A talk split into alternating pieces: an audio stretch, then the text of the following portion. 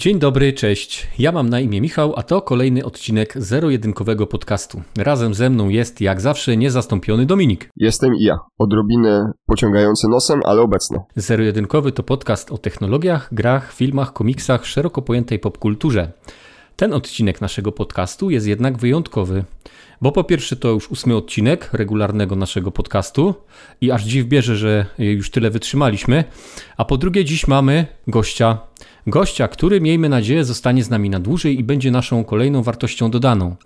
Dziś w naszym zero-jedynkowym podcaście gościmy Jana. Cześć Janek. Cześć panowie, dziękuję za zaproszenie. Mam nadzieję, że faktycznie się odnajdę w waszym towarzystwie, towarzystwie a wy w moim tak naprawdę. Tak.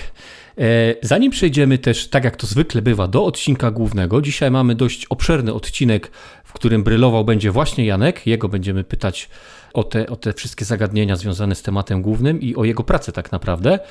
E, to chcielibyśmy, ja bym przynajmniej chciał, nie wiem czy Dominik się ze mną zgodzi, o tym, żeby Janek nam coś o sobie powiedział. Przede wszystkim to, skąd pochodzi, skąd przybywa i w co grał. Generalnie, y, jak zaczęła się jego przygoda y, z komputerami, tak ogólnie można można z popkulturą, z technologią. Z technologią, z popkulturą, tak, dokładnie tak. Słuchajcie, z technologią byłem związany prawie od zawsze, zresztą przez istotną część swojego życia zawodowego. E, żyłem z tego, że pisałem o nowych technologiach, prowadziłem e, różne blogi technologiczne, no, no ale stwierdziłem, że przebranżowię się kilka lat temu. E, no i zacząłem się skupiać na reklamie w internecie. A jeżeli jeżeli jesteście ciekawi, od czego zaczynałem, jeżeli chodzi o gry, no to zaczynałem od Commodore 64, bardzo, bardzo dawno temu. Potem był e, Potem było 386, no i już świat PC-towy. Nigdy nie udało mi się skręcić stronę konsol. Nie byłeś amigowcem? Nie. Czy przeszedłeś z, z 8, 8 bitów tak, od razu byłem w tym drugim obozie. Wybaczcie. Okej. Okay. Ja byłem w, w, w, zasadzie tutaj połowicznie się zgadzamy, bo ja zaczynałem od 8 bitów, czyli od Commodora 64, ale później jednak była Amiga. No i później było już 486. Ja etap 386 tylko w szkole przerabiałem. No, piękne czasy. Więc ten początek mamy wspólny. Ja też tak. zaczynałem od C, C64, następnie skręciłem w stronę konsol. Tak, więc amigowca, wal z gumowca nie będzie wśród naszej braci amigowców. E, Jezus, atarowców. Boże, co ja mówię? Chciałem pytać, czy anulowałeś jednak ten preorder na Amigę 500 Mini? Nie, nie mam preordera, powiem ci. Nie mam. E, czekam, aż to wejdzie po prostu na rynek i może troszkę stanieje, bo 6 stówek to troszkę za, za dużo jak na taką miniaturową konsolkę, ale na pewno kupię. Janku, słyszałeś o tej Amidze 500 Mini, no która ma wejść? No właśnie, zafascynowaniem. E, nie słyszałem, opowiedzcie trochę. No w trzech słowach, tak jak wcześniej w przypadku NES-a miało to miejsce z NES-a, PlayStation pierwszego, Y, Segi Mega Drive'a. Tym razem Amiga także zostanie wydana w wersji pomniejszonej. Jest to już kolejna inkarnacja tego sprzętu. Na pokładzie w takiej małej skrzynce będzie preinstalowanych też 20 parę, Michał? Gier, o ile 20, chyba myli? dokładnie 20, tak. Całe urządzenie gotowe na zasadzie plug and play do podłączenia i grania kosztuje 500-600 zł.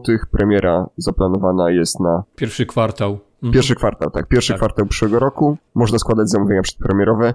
Michał się wahał. Ja od początku wiedziałem, że nie. Ja z kolei w ostatnim czasie złożyłem przedpremierowe zamówienie na limitowaną edycję Xboxa Series X e, w wydaniu Halo. Tak, mini Amiga będzie wydana przez Retro Games, czyli firmę, która już ma za sobą takie eksperymenty z e, mini C64 i tym The The C64, czyli tą e, wersją z, już z działającą klawiaturą. Pewnie z Amigą będzie tak samo, jeżeli ta miniaturowa Amiga spełni e, oczekiwania, to pewnie wyjdzie później troszkę większa e, z działającą klawiaturą. Ta Amiga 500 może być troszkę myląca, bo ona w sobie będzie zawierać oczywiście emulator, a z tych 20 gier będą tam także gry nie tylko z Amigi 500, ale również znane z z AGA, z układów AGA, czyli już z Amigi 1200 i z Amigi CD32.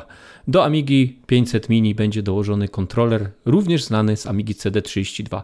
Całość jest już, tak jak Dominik powiedział, w preorderze na Euro AGD dostępne za 599 zł.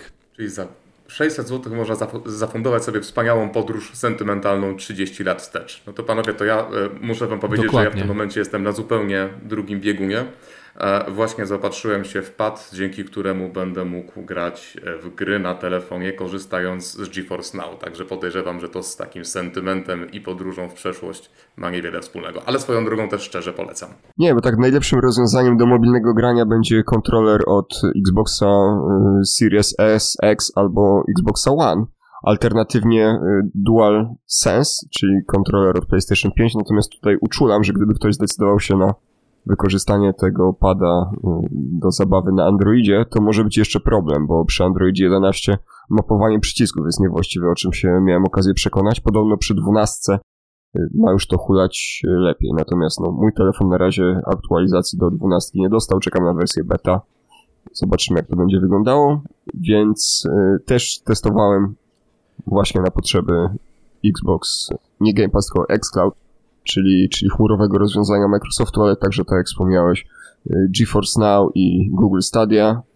Działa to całkiem nieźle, tylko DualSense najlepszym rozwiązaniem w tym momencie nie jest. A są też takie, to zupełnie na marginesie, żebyśmy też nie weszli po raz kolejny w dygresję, kontrolery nie tyle, nie tyle zewnętrzne, co pozwalające na stworzenie z telefonu niemal Nintendo Switcha, czyli rozsuwane no, chyba mi się na, wydaje, że, na, na że Janek o takim mówił, nie? O, Janek, mówiłeś o takim chyba kontrolerze, gdzie można podpiąć właśnie e, telefon. Otóż tak, ale ja teraz nawet zerknąłem, co to za sprzęt mam. E, faktycznie mam kontroler od Xboxa, chociaż nie jest to chyba e, produkt Microsoftu, przy czym on ma taki po prostu wysięgnik, w, który umieszcza się, w którym umieszcza się telefon. No, dokładnie. Tak, ale to mówicie o, o, innej rzeczy, bo ja nie mam na myśli takiego z wysięgnikiem właśnie rozwiązania, gdzie możesz zamontować telefon, mhm. tylko wkłada, rozsuwasz kontroler na, A, na okay. takiej zasadzie, mhm. tak, tworzysz konsolę, no konsolę, sprzęt wyglądając trochę jak Nintendo, mhm. Nintendo Switch. Tutaj przykładem może być Razer Kishi, albo Gameser X2 jest taki też kontroler. Całkiem nieźle się to sprawdza, tylko no, Albo kwestia... konsolka od, od Valve'a teraz, nie? Valve. Albo, no właśnie, to efekt jest bardzo podobny, czyli, czyli nadchodzący także sprzęt do grania przenośnego od Valve. Jak oni to tam nazwali? Bo zapomniałem. Deck? Deck? Nie. Tak. Deck? Okej, okay. no bo teraz mi wypadło z głowy. Dobra, wiecie co? Zanim jeszcze przejdziemy do tego tematu głównego, ja bym chciał jeszcze powiedzieć jedną rzecz, bo wczoraj dotarła e, do nas taka smutna wiadomość o tym, że zmarł Tomasz Knapik. E, ja nie wiem, jaki jest wasz stosunek do e, twórczości Tomasza Knapika, ale ja tego człowieka będę już zawsze kojarzył e, z programem Escape, który pod koniec lat 90.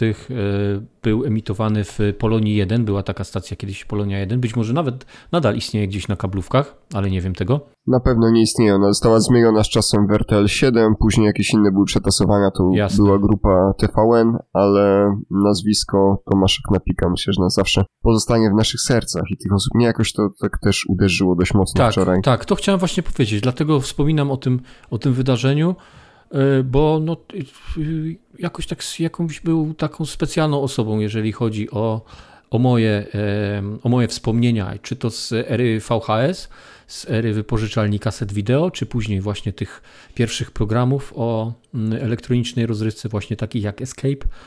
No a ostatnio powiem szczerze, e, oglądałem e, dość, dość często i namiętnie program Uwaga Pirat na TVN Turbo i tam Tomasz Knapik też był właśnie głosem, e, głosem tego programu. To jest, to I jest tak prawda. smutno smutno wczoraj O ile filmy z lektorem to można powiedzieć, że jest złowczy w tej postaci, to jednak głos Tomka Knapika to było coś absolutnie niesamowitego. On i Krystyna Czubowna. Tak? Niepowtarzalnego, Nikt nie tak. Ma, e, nie ma takich głosów tak. w Polsce. Niestety nie miał. Tak. Jasne, tylko że jeżeli wrócimy do kaset wideo lat 90., to ten wybór ścieżki dźwiękowej był w naszym przypadku mocno ograniczony na tego rodzaju luksus, bo ja także nie oglądam filmu z lektorem, to możemy sobie pozwolić od e, czasów DVD tak naprawdę.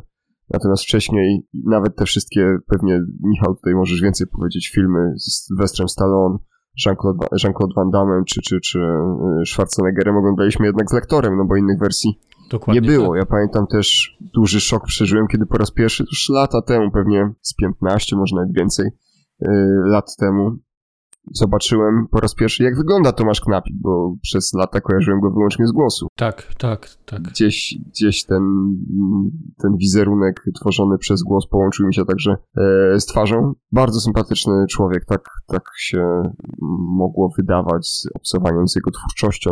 Cieszę się, że tego słowa użyłeś właśnie w kontekście w kontekście jego działalności zawodowej, bo bezsprzecznie jest to, jest to twórczość. Jest to twórczość, jasne. Jeżeli mówi się, że nie ma ludzi niezastąpionych, no to gdzieś w pewnym sensie oczywiście Tomasz Knapik jest taką osobą, e, której po prostu zastąpić się nie da. Może być oczywiście inny lektor i ci inni lektorzy będą, będą czytać dalej te firmy, te filmy, czy, czy, czy też inne produkcje, ale no Tomasz Knapik był jeden i, i wydaje mi się niezastąpiony. A swoją drogą to jest bardzo ciekawy temat na cały odcinek czyli e, filmy z lektorem, bo nie wiem, czy e, się tutaj nie mylę, ale chyba jesteśmy taką jedną z nielicznych wysp światowego, mm, jakby to powiedzieć, światowej dystrybucji kinowej, tak, że e, oglądaliśmy filmy z lektorem. Chyba na świecie jest mało takich, takich właśnie enklaw, e, gdzie ten lektor był Słuchajcie, popularny. To jest tak, że pewnie możemy łatwo wytłumaczyć, dlaczego oglądaliśmy filmy z lektorem. Zdecydowanie trudniej jest wytłumaczyć, dlaczego wciąż je oglądamy. I to rzeczywiście jest bardzo ciekawy temat. Tak, tak. Oglądamy pewnie z jakiegoś przyzwyczajenia, ale tak, Dokładnie, to zrobimy o tym kiedyś odcinek. Ja polecę też Wam e, bardzo fajny film na YouTubie Film, e, no można go nazwać chyba dokumentalnym, bardzo fajnie zrobiony, właśnie o polskich lektorach i są tam ci, ci najwięksi. Jeżeli się nie mylę, to Tomasz Knapik też, też się tam znalazł. Dobrze. Musi być w tym panteonie. Tak. Chciałem o nim wspomnieć, bo naprawdę to była postać nietuzinkowa. No ale jeżeli mówimy o osobach, które odeszły od nas ostatnio, no to poza Tomaszem Knapikiem, niestety pożegnaliśmy także gwiazdy kina. Być może, nie wiem, może kiedyś nawet Tomasz Knapik y, podkładał głos pod y, filmy z udziałem Żana Paula Belmondo, czyli takiego, no jeżeli to była kobieta, to można by użyć y, określenia seksbomba, ale tutaj To było takie pewno... uosobienie e, prawdziwego dżentelmena, tak mi się wydaje. To prawda, czyli też jedna, jedna z największych gwiazd y, kina lat, znaczy lat całego, całego XX stulecia. Tak, tak, zgadzam się z tym. No cóż, troszkę tro, takie, takie czasy, takie życie, e, jednak czas biegnie do przodu. Cóż, smutne to jest, niech im, e, niech spoczywają w pokoju, jeżeli tak mogę ten smutny temat temat zakończyć i przechodzimy do. A my pamiętajmy o ich twórczości. Tak, tak jest, oczywiście. Generalnie, na oczywiście. co dzień. Ja mogę powiedzieć na pewno, że ze swojej strony, no Tomasz Knapik zawsze, zawsze będę, będzie jego głos rezonował w mojej głowie, tak mogę powiedzieć. Krótkie czytał Tomasz Knapik, myślę, jest niepodrabialny w żaden sposób. Tak, i taki dowcip krąży, on sam go zresztą, zresztą opowiadał, jak e, żona się do niego zwraca. Mówiłeś coś? Taki bardzo krótki. A on akurat oglądał telewizję. To taki Taki, taki krótki żarcik zawsze przez niego opowiadany. Dobrze. Tematem odcinka jest e, dzisiaj temat e, dość popularny w ostatnich, w ostatnich czasach i w ostatnich, e, w trakcie tego, co się ostatnio w świecie technologii dzieje. Ostatnio, może w, w, odkąd zaczęła się era smartfonów, tak mi się wydaje, czyli śledzenie użytkowników. Jak to się zaczęło? To śledzenie ma miejsce w w, jakby w kwestiach technicznych i dokąd to wszystko zmierza. I tutaj głos, jakby tytułem wstępu, oddaję Jankowi. My będziemy słuchać i wtrącać się, jeżeli będziemy mieli jakąś dygresję, pytanie. No i proszę bardzo, jak to jest z tym śledzeniem użytkowników? Przede wszystkim śledzenie użytkowników e, dzisiaj dość jednoznacznie kojarzy się źle, e, a tak naprawdę wcale tak nie musi być, no bo e, użytkowników mhm. śledzi się na całe mnóstwo różnych sposobów i w bardzo różnych celach. No nie trudno sobie wyobrazić, że wydawca, który publikuje treści w internecie, Chciałby wiedzieć, ile osób czyta jego treści, jak długo te treści są czytane. To jest także coś, co można byłoby nazwać śledzeniem. E, śledzi, śledzi się użytkowników także po to, żeby dostosować treści do tego, co, e, co ci użytkownicy oglądają. Czyli jeżeli wchodzicie na YouTube e, i widzicie, że ta lista jest spersonalizowana pod wasze, pod wasze preferencje, pod wasze oczekiwania, no to jest to też jakiś rezultat tego, że dane na wasz temat były zbierane przez Google, przetwarzane po to, żeby odpowiednio dostosować feedy do Waszych potrzeb. Natomiast zwykle o śledzeniu mówi się w kontekście reklamowym, gdzie są jakieś E, mniej lub bardziej tajemnicze firmy, e, które w cudzysłowie oczywiście handlują naszymi danymi, e, przerzucają je z jednego miejsca do drugiego po to, żeby robić z nich jakiś pożytek, najczęściej taki, żeby sprzedawać nam rzeczy, których nie chcemy. I oczywiście to się wydaje jednoznacznie złe, ale pewnie należałoby sobie zadać pytanie, dlaczego tak jest akurat w internecie i czy to jest tak, że te firmy są złe, wydawcy są źli, którzy udostępniają takie dane różnym firmom reklamowym, czy być może tak naprawdę tkwimy troszeczkę w takim modelu, gdzie e, skoro mamy całe mnóstwo fajnych treści, które są dostępne za darmo, no ktoś musi zarobić, więc użytkownik staje się produktem. Mhm. Czyli już na samym wstępie mamy takie rozdzielenie, e, e, rozdzielenie tego śledzenia na to, wykorzystywane typowo do celów statystycznych, czyli na przykład prowadząc bloga, żeby wiedzieć ile osób wchodziło ewentualnie z jakich miejsc w Polsce czy na świecie i z drugiej strony mamy to śledzenie takie mm, typowo związane y, z reklamami, tak jak powiedziałeś, czyli e, dostosowywanie tego, co wyświetla nam się na ekranie, do tego, jacy jesteśmy, bo to, jacy jesteśmy, e, odkłada się gdzieś tam, e, mogę tak w wielkim skrócie powiedzieć, w pamięci komputera na podstawie tego, właśnie co, co oglądamy, kiedy oglądamy, jak oglądamy, w jaki sposób oglądamy, jakich sprzętów używamy. To wszystko odkłada się gdzieś w naszych systemach operacyjnych. Odkłada się tak naprawdę e, w przeglądarce e, i w zasobach, e, z których korzysta przeglądarka. I mówimy tutaj tak naprawdę o ciasteczkach, czyli czymś, o czym wszyscy słyszeli, chociaż nie wszyscy mają do końca wyobrażenia, czym one są. A rzecz jest w gruncie rzeczy nieskomplikowana. Ciasteczka to są tak naprawdę pliki tekstowe, które różne strony albo różne elementy stron, bo tak to należałoby rozróżnić, mogą zapisywać w pamięci przeglądarki po to, żeby pewne rzeczy były dostępne od razu, albo żeby e, pewne procesy były wygodniejsze. Mhm. Najprostszy przykład, jeżeli e, wypełniamy formularz, jakąś ankietę e, i po wypełnieniu tej ankiety nie możemy ponownie go wypełnić, no to nie, nie możemy ponownie wypełnić tego formularza, dlatego że w ciasteczku zapisała się taka informacja. Jeżeli gdzieś na jakiejś stronie ustalamy jakieś preferencje, decydujemy o tym, jakie kolory mają być tej strony, jaka ma być ustawiona pogoda u wydawcy, którego często e, przeglądamy, no to te informacje również zwykle zapisują się w ciasteczkach. E, także ogólnie ciasteczka służą do tego, żeby korzystanie z sieci było przyjemniejsze, żeby na przykład nie było problemu z wypełnianiem mhm. haseł. No ale oczywiście, jak każda technologia, e, no, mają różne strony. Tak. Gdzieś skręciła tak, w złą tak, stronę. Albo ludzie, mhm. którzy z niej korzystają, e, postanowili, e, no, wymyślili, jak można byłoby także za jej pomocą, mówiąc prosto, zarabiać pieniądze. I już od razu przychodzi mi na myśl taka, taka sytuacja sprzed dobrych kilku lat, e, kiedy e, Tomasz Lis, czyli znany polski dziennikarz, zamieścił na Twitterze taki zrzut ekranu ze swojego urządzenia, bo gdzieś przeglądał jakieś portale i to były chyba prawicowe portale, czyli te, z którymi no, nie, nie sympatyzuje. Nie jest mu po drodze. I tam, tak, nie jest mu po drodze. I tam wyświetlała mu się taka reklama. I Tomasz Lis ewidentnie nie zrozumiał, na czym polega reklama kontekstowa i miał pretensje do, e, do wydawców tychże portali, że wyświetlały mu się e, reklamy, jak to najdelikatniej powiedzieć, e, pań do wynajęcia z Ukrainy. I to nie były panie do sprzątania domu. To były kobiety pracujące i nie żadnych pracy się nie bały. Dokładnie. Nie wiem, czy pamiętacie tą sytuację. Ja pamiętam. I tak. wtedy, e, wtedy wszyscy starali się wytłumaczyć e, Tomaszowi Lisowi, na czym polega reklama kontekstowa. Czy ty, Janku, teraz nam możesz też e, przybliżyć, dlaczego temu panu Lisowi pojawiły się wtedy takie, a nie inne reklamy, a innym ludziom pojawiały się zupełnie inne reklamy i do dzisiaj tak jest. Myślę, że mogły się wydarzyć trzy rzeczy. Pierwsza to jest mhm. taka, że akurat taka reklama była. Nie było tutaj żadnego spisku, żadnego knucia, nic się nie wydarzyło, po prostu losowo albo z jakichś względów mhm. wyświetliła się taka reklama. Drugi powód to jest ten kontekst, o którym mówisz. E, akurat treść, na której był Tomek Lis, w jakiś sposób mogła być dopasowana do tej reklamy, po jakichś słowach kluczowych, bez znaczenia. Pasowała do treści. Trzeci scenariusz, e, to jest ten pewnie, który wydaje się w tym kontekście e, szczególnie interesujący, to jest reklama, która jest e, targetowana, czy jest, jest kierowana do użytkowników na podstawie pewnych reguł behawioralnych. Jeżeli ja w internecie przeglądam treści związane ze sportem, to reklamodawca, jeżeli przeglądam ich odpowiednio dużo, może mnie sklasyfikować jako użytkownika zainteresowanego sportem. A jeżeli trafię do takiego segmentu użytkowników zainteresowanych sportem, to potem ci, którzy reklamy kupują, mogą wprost powiedzieć, my sprzedajemy produkty związane ze sportem, piłki, jesteśmy jakimś sklepem, e, który sprzedaje odzież sportową i chcemy kierować te reklamy wyłącznie do użytkowników zainteresowanych sportem. No i to równie dobrze mógł być taki scenariusz, czyli była to reklama, która była trafiła do Tomka na podstawie jakichś jego zainteresowań. Mhm.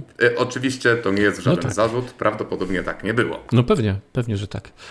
A powiedz, czy ty też, bo pliki cookies, jeżeli rozmawiamy oczywiście o przeglądarkach, E, to jest coś innego niż pamięć podręczna przeglądarki, prawda? Jest to, jest to coś, no to jest właśnie e, kolejny temat, który jest bardzo ciekawy, to znaczy zwykle demonizujemy jakieś rozwiązania techniczne, a tak naprawdę padło zwykle mm. na mhm. pliki cookies głównie dlatego, że e, no one trafiły na tapet. To tak. znaczy mamy na każdej stronie jakąś informację o tym, że pliki cookies są na tej stronie i czy wyrażasz na nie zgodę, właściwie wszyscy to zamykamy, ignorujemy.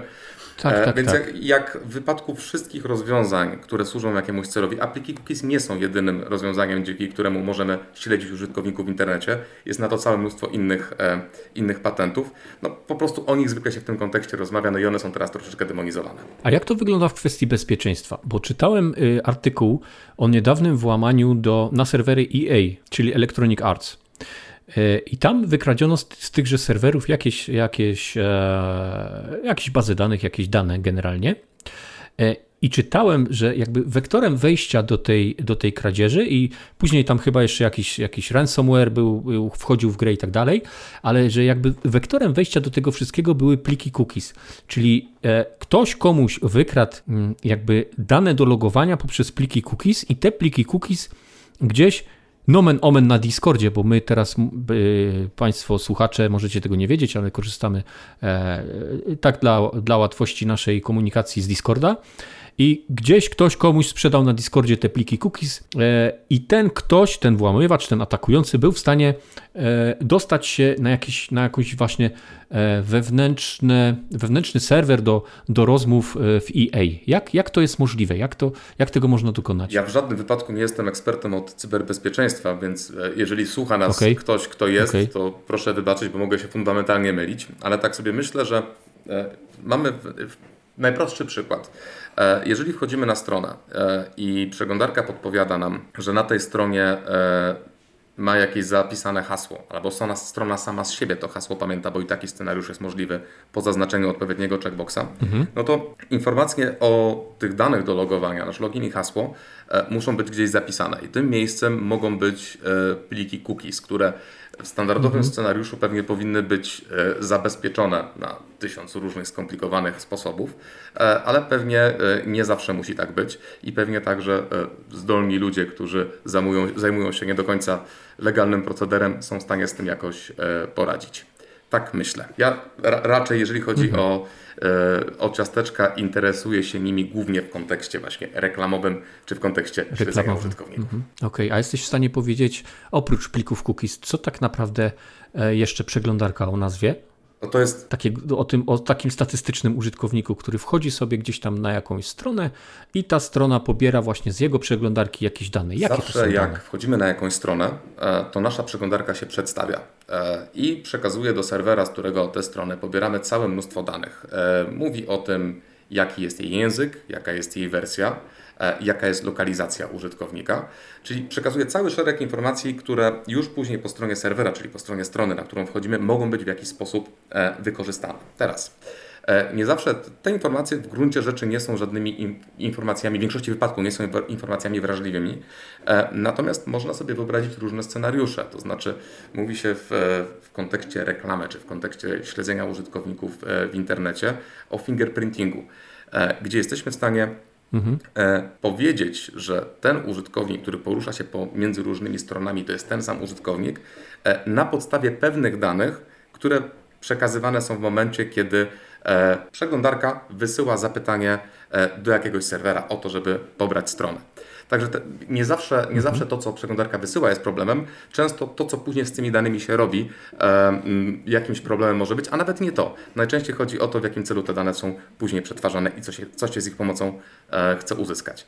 No a najczęściej w wypadku reklamy e, tworzy się po prostu e, dąży się do dwóch rzeczy. Dąży się do tego, żeby identyfikować użytkownika między urządzeniami, E, albo między przeglądarkami, tak żeby można było powiedzieć, że ten, który, ten użytkownik na komputerze i ten sam użytkownik na telefonie to jest jedna osoba. Bo gdybyśmy po prostu bazowali wyłącznie mhm. na ciasteczkach, to komputer jest osobnym bytem i telefon jest osobnym bytem. To jest jeden cel. A drugi, drugi cel to jest personalizacja reklamy, czyli albo tworzenie segmentów o których już wcześniej mówiliśmy, które służą do tego, żeby precyzyjnie docierać z reklamą do użytkownika. Albo drugi przypadek to jest remarketing, czyli ponieważ widziałem jakiś produkt, to później na reklamach będę widział ten sam produkt bądź produkty do niego podobne. Czyli to bazuje jakby na danych historycznych i danych przeglądania. Oczywiście to jest bardzo duże uproszczenie, natomiast e, każdy z nas pewnie tego doświadczył. To znaczy, wyobraźcie sobie scenariusz, w którym wchodzicie na Allegro, oglądacie jakiś produkt, a później właściwie ten produkt bądź jemu podobne produkty e, gonią Was wszędzie w internecie. Tak. Na Facebooku. E, no i tutaj należałoby mhm. sobie zadać jedno pytanie, które jest dość, dość istotne. Jak to się dzieje, że ja widziałem coś na jednej stronie, a reklama wyświetla się na wszystkich pozostałych stronach?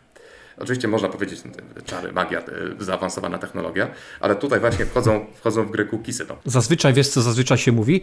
Że to telefon cały czas nas słucha i on wie, co my chcemy kupić i tak, dlatego potem tak. wszędzie nam się pojawiają no, te reklamy. Nie można pewnie tego wykluczyć, aczkolwiek wydaje się to dość mało no, prawdopodobne. Tak. Mhm. E, no bo e, zwykle, zwykle, zwykle jest tak, że jeżeli o czymś rozmawiamy z kimś, to bardzo często być może szukaliśmy tego w Google albo przeglądaliśmy jakieś rzeczy Dokładnie. w internecie na temat e, tego, o czym rozmawialiśmy i raczej zrzucałby to, zrzucałbym to na karp tego, co wcześniej robiliśmy w sieci, niż na tę konkretną rozmowę, którą z kimś w danym momencie odbywamy. Okej, okay. rzuciłeś taką nazwą bardzo ciekawą, fingerprinting. To jest, yy, yy, można to łatwo przetłumaczyć, tak, tak, naj, najlepiej przetłumaczyć jako cyfrowy odcisk palca. Wszyscy wiemy, że odcisk palca każdy z nas ma unikalny. Czy te e, dane z naszej przeglądarki również są tak unikalne, że mogą należeć tylko do jednego użytkownika? E, mogą być. E, mogą być. Znów tutaj pewnie, jeżeli chodzi o technikę, ja nie jestem ekspertem, ale tak jak każdy telefon ma okay. To najprościej można sobie wyobrazić. Każdy telefon ma jakieś, e, jakieś numery seryjne, jakieś numery, które przedstawia w sieci mhm. i które są unikatowe. Podzespoły, e, podzespoły w komputerze, na przykład, pod, e, na przykład identyfikator karty graficznej, one również są, e, również są unikatowe. I one w różnych kontekstach mogą się pojawić e, w momencie, kiedy komunikujemy się z jakimiś serwerami i na ich podstawie można wyciągać cały szereg różnych wniosków, mając do tego odpowiednie oprogramowanie. Czyli dość spore pole do, mm, do popisu, do manewrów w informatyce śledczej też te dane mogą, mogą Zapewne dawać. tak i zapewne tak jest. E, wierzę, że zarówno mhm. ci źli, jak i ci dobrzy korzystają z całego szeregu różnych rozwiązań E, i dostępnych scenariuszy po to, żeby no właśnie albo robić komuś krzywdę, albo zapobiegać przed tym, żeby inni e, tej krzywdy nie robili. Pozostajemy już w tym rozwiązaniu, o którym mówisz, czyli personalizacji reklam, przekazów reklamowych, które pojawiają się na stronach internetowych, które odwiedzamy, czy aplikacji,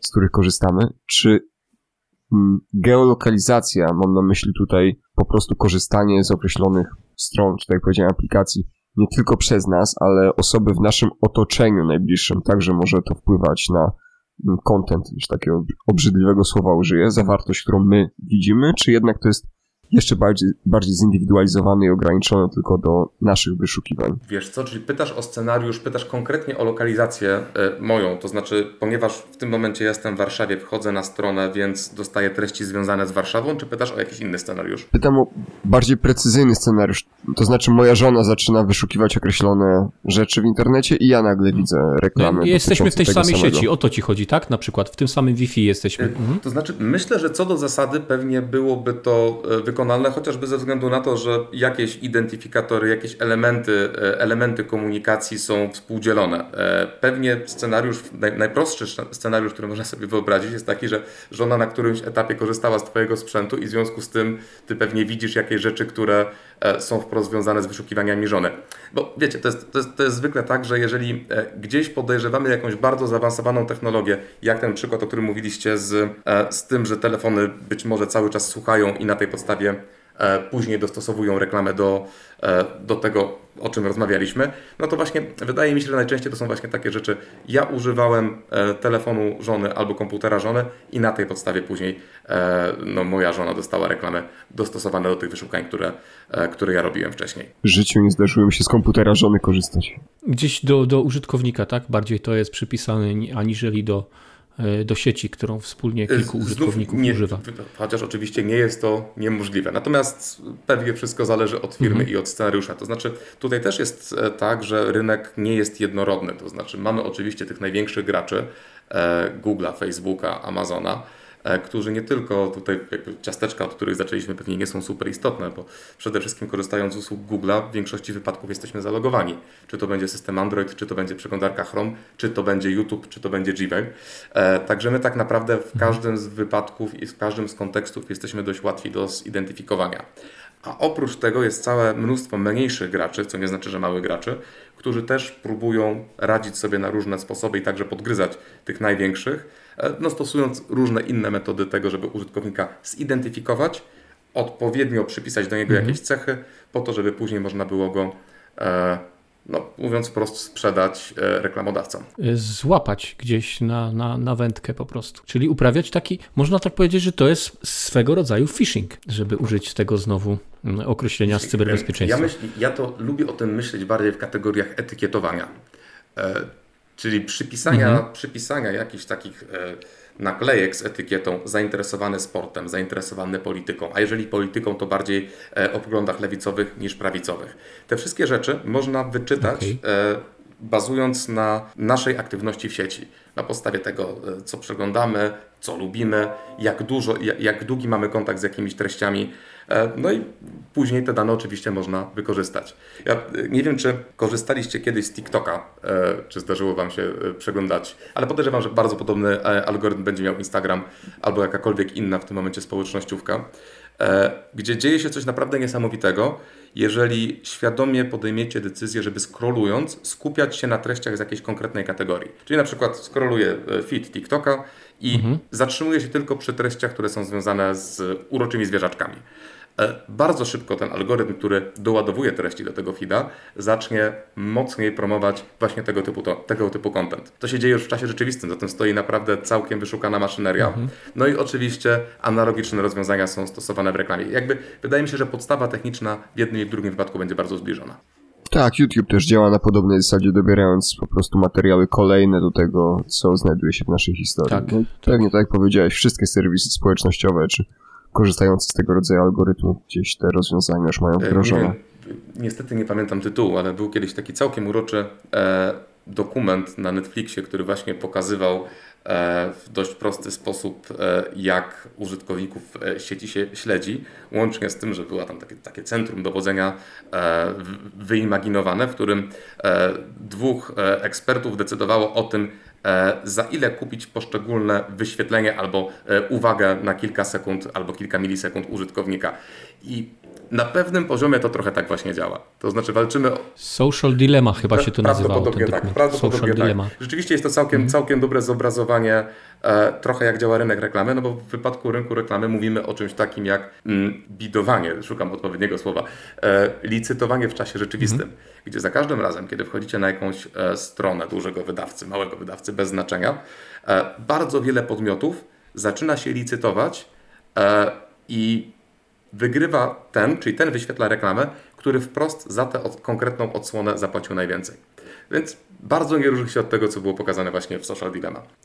A czy to, bo rozumiem, że to kontrolują wszystko tak, algorytmy. Tak, tutaj, tutaj na człowieka jest bardzo mało e, miejsca. Czy, czy, jest jakiś nadzór e, typowo ludzki nad tym wszystkim i czy to może być w jakiś sposób e, krzywdzące? Za chwilę podam przykład, może niezbyt wyszukany i wyrafinowany, ale czy E, czy ta reklama kontekstowa, bo y, jak wiemy, algorytmy potrafią być bezduszne, e, chociażby ostatnia sytuacja z, y, z oznaczeniem osób czarnoskórych jako, jako małp naczelnych, taki, tak na Facebooku e, ostatnio, gdzieś dwa dni temu, czy, czy nawet wczoraj był, był taki mały, mały skandalik z tym związany.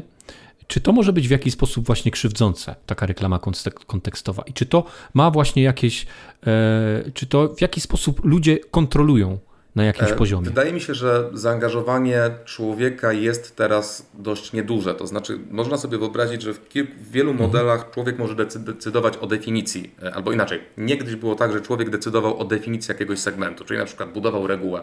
Jeśli e, dany użytkownik czytał pięć razy artykuł z kategorii sport, to znaczy, że jest zainteresowany sportem.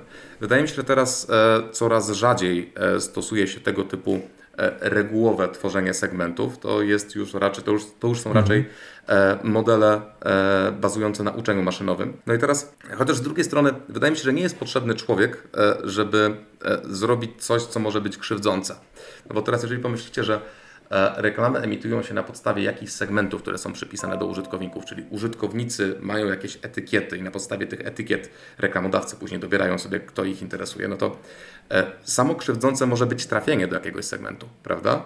Wyobraźcie sobie teraz, no oczywiście nie mówi się o tym głośno, to znaczy nie powinno się ludzi, defini- nie powinno się ludzi segmentować na podstawie na przykład poglądów politycznych, co nie znaczy, że tego się nie robi. Mhm.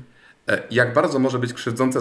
No właśnie, bo to są, bo to są, to, znowu wchodzimy może na trochę w aspekt prawny, bo poglądy polityczne, tak samo jak orientacja seksualna, to są dane, e, te, dziś się to nazywa dane szczególnie chronione, kiedyś nazywało się to danymi wrażliwymi. To gdzieś ma jakiś związek ze sobą w, w tych reklamach, czy, e, czy, czy jakby no, pomija się to, że, że nie można takich rzeczy wykorzystywać? Wydaje mi się, że raczej nie można kupować wprost danych e, wrażliwych E, czyli jeżeli byłbym reklamodawcą, to nie jestem w stanie e, kupić reklamy i wyemitować jej użytkownikowi, który ma taką, a nie inną orientację seksualną. Przynajmniej narzędzia wprost na to nie pozwalają.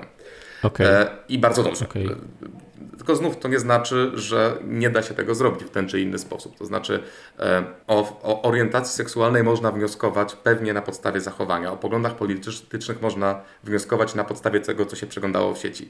Więc Właściciele mhm. technologii zapewne e, mają wszystkie narzędzia, żeby taką segmentację robić. Znów nie próbuję powiedzieć, że takie, e, takie modele są udostępniane reklamodawcom, ale w przeszłości przecież były. I tutaj znów e, wystarczy przypomnieć sobie, jak niegdyś działał Facebook. Dokładnie i całą, całą aferę z Cambridge Analytica tak. chociażby, tak? To, to chyba się, się wiąże z tym. Właśnie. A jest możliwe, bo cały czas... dążę do tego, czy to może być w jakiś sposób krzywdzące. Powiedzmy, że jakiemuś użytkownikowi sieci umiera współmałżonek. E, no i ta osoba szuka w sieci, jak poradzić sobie teraz z samotnością. E, takie też posty zamieszcza gdzieś na Facebooku i reklama w jakiś sposób interpretuje to, że ta osoba chce kogoś poznać i czy tej osobie czy to jest możliwe, że wyświetlą jej się, nie wiem, reklamy na przykład portali randkowych? Bardzo prawdopodobne.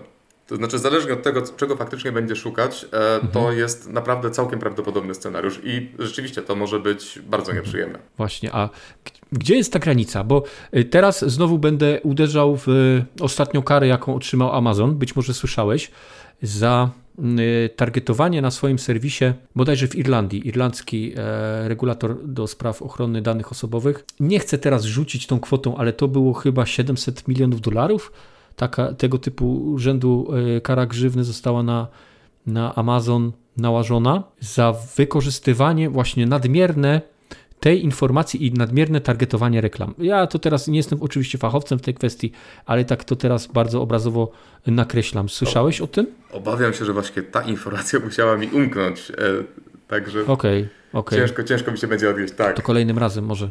może na... To dobrze, to przejdźmy może w, w, w tym momencie od tego, gdzie jest ta granica, do tego, dokąd to wszystko zmierza. Bo wiemy już, jak jest, ale wiemy też, że na przykład Europa do, dość e, e, wybiegła do przodu, uciekła do przodu, tak się mówi, właśnie z prawami chociażby z RODO, ochrony danych osobowych. I no jest dość spory nacisk teraz na to wszystko. Facebook ma kłopoty w Europie, Amazon ma kłopoty w Europie, Google ma kłopoty w Europie, jeżeli chodzi o te wszystkie właśnie wykorzystywanie e, tych danych, które zbierają o użytkownikach. Dokąd to wszystko dokąd to wszystko zmierza i czy na horyzoncie są jakieś zmiany e, tych systemów targetowania i tego całego, tego, tej, tego całego zamieszania z tym związanego, które mamy w sieci. To jest temat bardzo fascynujący. E, no, przynajmniej dla kogoś, kto, kto faktycznie jest jednologą w tej branży, ale, mhm. ale myślę, że także będzie ciekawy dla innych. Otóż e, wraz e, z tym, jak zaczęła rosnąć świadomość, to znaczy zaczęło się mówić tak naprawdę, media zaczęły pisać, Dokładnie, że, o to mi chodzi, że tak. jesteśmy śledzeni w internecie, że tak naprawdę nie ma prywatności. Tak. No, zaczęły następować pewne zmiany. RODO to jest świetny przykład, ale e, zmiany także, e, zmiany także zachodzą po stronie samych e, właścicieli technologii. Chociaż oczywiście można im zawsze zarzucać, zarzucać, że nie w każdym wypadku te intencje są czyste. Najlepszym przykładem jest to, że Apple od kilku lat blokuje już cookiesy third party, czyli wyjaśniając to, to są właśnie te cookiesy, te ciasteczka, które umożliwiają platformom technologicznym śledzenie użytkownika między różnymi stronami. Na tej podstawie na przykład wyświetlane są reklamy z Allegro na stronie Onetu i Wirtualnej Polski. Te dane są zbierane i później wykorzystywane do tego, żeby, żeby no właśnie wyświetlać reklamy. Także domyślnie w tym momencie w Safari E, tego typu ciasteczka są blokowane. Podobną, e, podobną ścieżką poszedł Firefox. I teraz to ciekawe, e, zmuszony niejako do tego, żeby podobną ścieżką podążyć, poszedł także Google i zapowiedział, że w 2023 ciasteczka stron trzecich zostaną zablokowane. Tylko teraz, czy to oznacza, że dla użytkowników coś się zmieni? Można byłoby zadać takie pytanie, bo to jest mhm. trochę tak jak z RODO. Na początku wszyscy byliśmy E, być może nawet czytaliśmy te plansze, które wyświetlały się na stronach wydawców. Podobnie było z ciasteczkami i tymi komunikatami, e, które teraz po prostu zamykamy, nawet na nie nie patrząc. E, ja się trochę obawiam, że jeżeli powstały potężne biznesy, Google żyje głównie z reklamy i wiele firm żyje głównie z reklamy, które tak naprawdę bazują na danych, na tym, że zbierają te dane i później e, no, wprost sprzedają e, pośrednio reklamodawcom, to raczej ciężko będzie ten trend odwrócić. E, nie będziemy mogli personalizować treści i reklam na podstawie ciasteczek, one zostaną zapewne zastąpione innymi rozwiązaniami. No dobrze, a wracając, bo używasz takich stwierdzeń jak first party cookies, third party cookies. Czy możemy wytłumaczyć, o co, jaka jest różnica pomiędzy tym first party a third tak, party? najprościej rzecz ujmując, chociaż nie jest dobre przypisywanie technologii cech zły dobry, ale zwykle o tych first party cookies mówi się, że są dobre. To znaczy, e, jeżeli wchodzimy na jakąś stronę, ta strona z bardzo dużym prawdopodobieństwem e, stworzy w naszej przeglądarce jakieś ciasteczka. I one będą wykorzystywane do tego, żeby strona działała lepiej, żeby działała szybciej, żeby kolejna wizyta na tej stronie mhm. e, była przyjemniejsza, żeby jakaś analityka dla wydawcy o naszej wizycie została zapisana. E, I to są, to są ciastka, które działają tylko w ramach tej domeny, którą odwiedzamy. Czyli ciastko first party stworzone przez Onet czy Wirtualną Polskę będzie działało tylko w obrębie Onetu i Wirtualnej Polski. To jest taka e, główna ich cecha. W wypadku cookiesów, mhm. w wypadku ciasteczek first, e, third party e, mówimy o innym modelu. E, może być na przykład tak, że wchodząc na jakąś stronę mamy kontakt z reklamą, a ta reklama e, w naszej przeglądarce stworzy ciastko. E, I teraz wejdziemy na inną stronę, a tam znów mamy jakiś element strony, to nie musi być domena, którą odwiedzamy, e, i znów będziemy mieli kontakt z podobnym formatem reklamowym dostarczanym przez tego samego e, dostawcę technologii.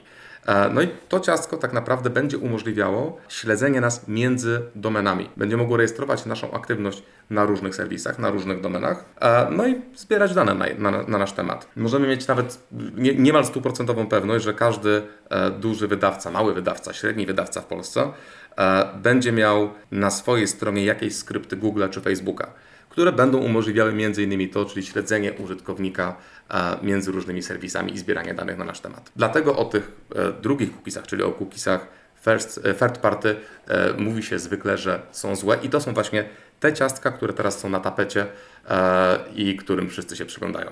Wiele osób ma wątpliwości związane z tym, że są tutaj duży cudzysłów śledzeni przez różnego rodzaju serwisy z Google, Apple czy Amazony na czele, a jak to wygląda w praktyce? To znaczy, tak mówiąc bardzo łopatologicznie, czy mamy się czego bać? E, pewnie to zależy, czego szukamy tak, u podstaw, ale tak naprawdę e, myślę, że moglibyśmy wrócić do początku naszej rozmowy i powiedzieć jedną rzecz. To znaczy, jeżeli korzystamy z dóbr za darmo i one są dostarczane przez jakieś firmy, i te firmy zatrudniają ludzi, te firmy e, być może są spółkami akcyjnymi, muszą pokazywać, że zwiększają się z roku na rok przychody, no one skądś ten przychód czerpią. Skoro my nie płacimy za korzystanie z tych usług, no to znów stajemy się produktem. I wiadomo, że jak technologia się będzie rozwijała, to w coraz sprytniejszy i w coraz bardziej wyrafinowany sposób będziemy identyfikowani, nasze potrzeby będą identyfikowane. E, to być może już nie będzie tylko przypisywanie nam pewnych cech na podstawie zachowań z przeszłości. Czyli ponieważ e, wyszukiwałem pralkę, to znaczy, że jestem zainteresowany zakupem pralki. Być może, e, a zapewne już nawet teraz, jesteśmy w stanie przewidywać, mhm. e, jakie użytkownik będzie miał potrzeby w przyszłości. E, więc w tym sensie to może być złe i to może być bardzo niebezpieczne. No ale z drugiej strony my się poniekąd na to godzimy, funkcjonując w internecie w takim, a nie innym modelu. Tak przynajmniej o tym myślę. Ja nieprzypadkowo w taki prowokacyjny sposób y, pytam, to jest, mam wrażenie, coraz rzadsze, ale jednak pojawiają się nadal osoby w internecie, które twierdzą, że skoro płacą miesiąc miesiąc za Neostradę, tudzież inny dostęp do internetu, no to wszystko powinno być darmowe. No i niestety cieszy mnie to, że ta świadomość wzrasta. Dużo zmieniło się też w 2018 roku, kiedy, y, albo chciałbym wierzyć, że dużo się wtedy zmieniło w 2018 roku, kiedy weszły w życie przepisy dotyczące właśnie ochrony danych osobowych, to słynne, niesłynne RODO, nowe przepisy, tak, no bo wcześniej oczywiście mieliśmy y, ustawę, ale ten system y, prawny został ujednolicony na terenie Europy, y, Europy czy, czy Unii Europejskiej, mówiąc, mówiąc bardziej precyzyjnie i krajów współpracujących z Unią Europejską w ramach Europejskiego Obszaru Gospodarczego. Y, natomiast nadal mam wrażenie, pokutuje gdzieś to przeświadczenie, że nie wiadomo w jaki niecny sposób te nasze dane mogą być wykorzystane. Michał jakiś czas temu wspominał o książce Trole Putina. Tam faktycznie pojawia się kwestia wykorzystania ruchu w internecie do tego, żeby mm, no raz wpływać na wybory w Stanach Zjednoczonych w tym przypadku, ale generalnie na to, żeby y, określony sposób dobierać tym niezdecydowanym ludziom, bo to tak naprawdę zawsze przy każdych wyborach to, to jest oczywiste, że gra toczy się o tych niezdecydowanych wyborców, tak, których można przyciągnąć na jedną stronę albo na drugą, więc to im podsuwany jest przekaz reklamowy w tym momencie, przekaz polityczny, który ma ich nakłonić do głosowania na jedną czy też drugą partię, na podstawie danych zebranych wcześniej. To znaczy, jeżeli przyjmiemy, że ktoś interesuje się sportem, do tego aktywnie uczestniczy w życiu swojej lokalnej społeczności, no to prawdopodobnie będzie bardziej zainteresowany głosowaniem na partię X. Jeżeli z kolei mm, dla niego ważne jest coś zupełnie innego, co jest charakterystyczne dla drugiej partii, no to, mm, to siłą rzeczy będzie, będzie miał dostęp do tych e, informacji pochodzących od e, drugiej, mm, drugiej strony sceny politycznej, więc tak naprawdę to, to czym jesteśmy bombardowani e, na co dzień, może być wykorzystywane do, do walki politycznej, ale myślę, że tak jak powiedziałeś, to, to jest ta cena, którą płacimy za to, że do większości stron internetowych, do większości materiałów mamy darmowy dostęp, bo bo też tych ukrytych za paywallem materiałów jest stosunkowo no, niewiele. No, też poruszyłeś, wydaje mi się, super ciekawy temat, to znaczy pewnie mówienie dzisiaj w 2021 o bańkach informacyjnych jest truizmem, ale jak e, wcześniej mówiliście o zagrożeniach stojących z algorytmami, no to pewnie faktycznie to jest e, jedno z, e, jedno z głównych, to znaczy my nawet nie musimy być manipulowani przez jakieś jednostki e, za granicą, które chcą nas przekonać e, do jakiejś racji bądź siać zamęt po prostu. E, my bardzo często, albo nie sami siebie zamykamy, ale jesteśmy zamykani przez algorytmy w bańkach i wydaje nam się, że świat wygląda dokładnie tak, jak ten, który widzimy w naszych feedach na Facebooku czy Instagramie. No bo po prostu nie docierają do nas sygnały z zewnątrz. Także i, i, i, ciekawe, jak sobie poradzimy tak naprawdę. No właśnie, czy, czy, czy, czy giganci technologiczni, do których y, no dzisiaj można już na przykład zaliczyć te, te największe portale e, polskie też, nie tylko mówimy tutaj, mówmy szerzej, nie tylko mówimy o, o Google i o Facebooku, ale też o, o dużych polskich na przykład portalach, czy one będą rozszerzać ten Y, ten zakres, czyli tworzyć szersze te algorytmy, żebyśmy właśnie nie zamykali się w tych bańkach, żebyśmy mieli jakby szerszy pogląd na to wszystko, czy, czy to jednak cały czas e, no, będzie uderzać w takiego użytkownika, żeby jednak jak najbardziej dopasować się do niego, a, a żeby nie, pozwoli, nie pozwolić, tak gdzieś w cudzysłowie oczywiście, nie pozwolić mu wyjść. Ale czy to nie jest tak, że ten przekaz, który do nas trafia, musi być w jakiś sposób dostosowany do Twoich poglądów i tego, w jakim towarzystwie się obracasz? No, tak. Wspomnieliście o bańkach informacyjnych. No, my w nich żyjemy też ze względu na to, że z reguły otaczamy się ludźmi, którzy mają zbliżone do nas poglądy na różnego rodzaju problematykę. Nie tylko, nie tylko mam tutaj na myśli politykę, tak, ale no, generalnie masę zagadnień, które dotyczą każdej płaszczyzny życia. No, jeżeli ktoś nam nie pasuje, to go albo wykluczamy w jakiś sposób z naszego otoczenia, albo po prostu e, przestajemy śledzić taką osobę, więc no siłą rzeczy, jeżeli dostawcy różnego rodzaju materiałów reklamowych będą chcieli, żebyśmy byli tym zainteresowani, no to będą też pewnie, e, a mając na względzie to, że na koniec dnia ktoś za te wyświetlenia, kliknięcia i tak dalej płaci, to będzie im zależało na tym, żebyśmy widzieli coś, co potencjalnie chociaż możemy kliknąć i jakiś to wpływ na nas może mieć. No to mhm. prawda, teraz tak, teraz tak naprawdę y, to już uwaga stała się walutą. To, to, to, to jest to, o co, się, o co się rywalizuje, o co się walczy.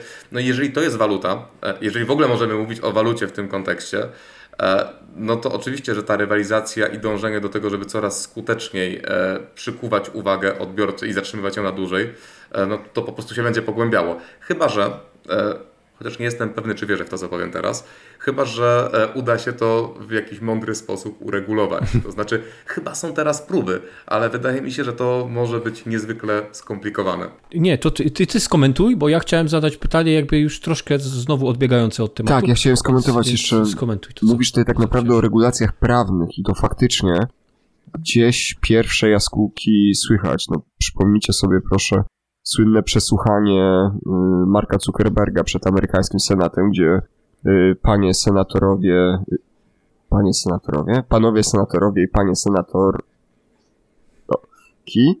Ki. No dobra, tu już wchodzimy wchodzimy w mocno złożoną materię, tak jak wspomniałem, jestem, jestem przeziębiony, więc też te możliwości moje dzisiaj y, umysłowe są odrobinę ograniczone, natomiast już mówiąc zupełnie serio, tam mm, przed y, Senatem było zdziwienie, y, z czego tak naprawdę Facebook czerpie zyski. I to jest coś, coś totalnie dla mnie niezrozumiałego, tak? Jeżeli, jeżeli mówimy o ludziach, którzy mają stanowić prawo, a Stany Zjednoczone postrzegamy mimo wszystko jednak jako ten kraj, który powinien nieść kaganek oświaty także w zakresie regulacji tych największych gigantów, jako że to są podmioty pochodzące właśnie z tego, e, tego kraju czy tej części świata, no to okazuje się, że wielkim zaskoczeniem jest to, że Facebook generuje przychody z reklam. Czy no, ktoś, ktoś zupełnie, mam wrażenie, próbuje e, sformułować regulacje prawne, nie znając tak naprawdę podstaw e, mechanik, o których na których tak, na których opierają się te, tak, te rozwiązania. I mhm. tutaj zanim dojdzie do tego, że będziemy mieli sukcesywnie rozwijane i funkcjonujące systemy prawne, które będą czymś więcej aniżeli, no bo jasne, można oczywiście wyjść z prostego założenia, że jeżeli Google jest potentatem na rynku europejskim, bo tak bezsprzecznie jest, to ma dzielić się określonym procentem swoich zysków e, z państwami poszczególnymi, na których y, terenie świadczy swoje usługi. No ale myślę, że to jest takie najprostsze rozwiązanie, bo tutaj to, co będzie kluczowe w kolejnych latach, tak jak, tak jak Jan powiedział, to walutą staje się po prostu nasza y, informacja o nas, czy, czy zainteresowanie, które możemy, ten czas, który i pieniądze, które możemy przeznaczyć na jedną usługę czy jeden produkt.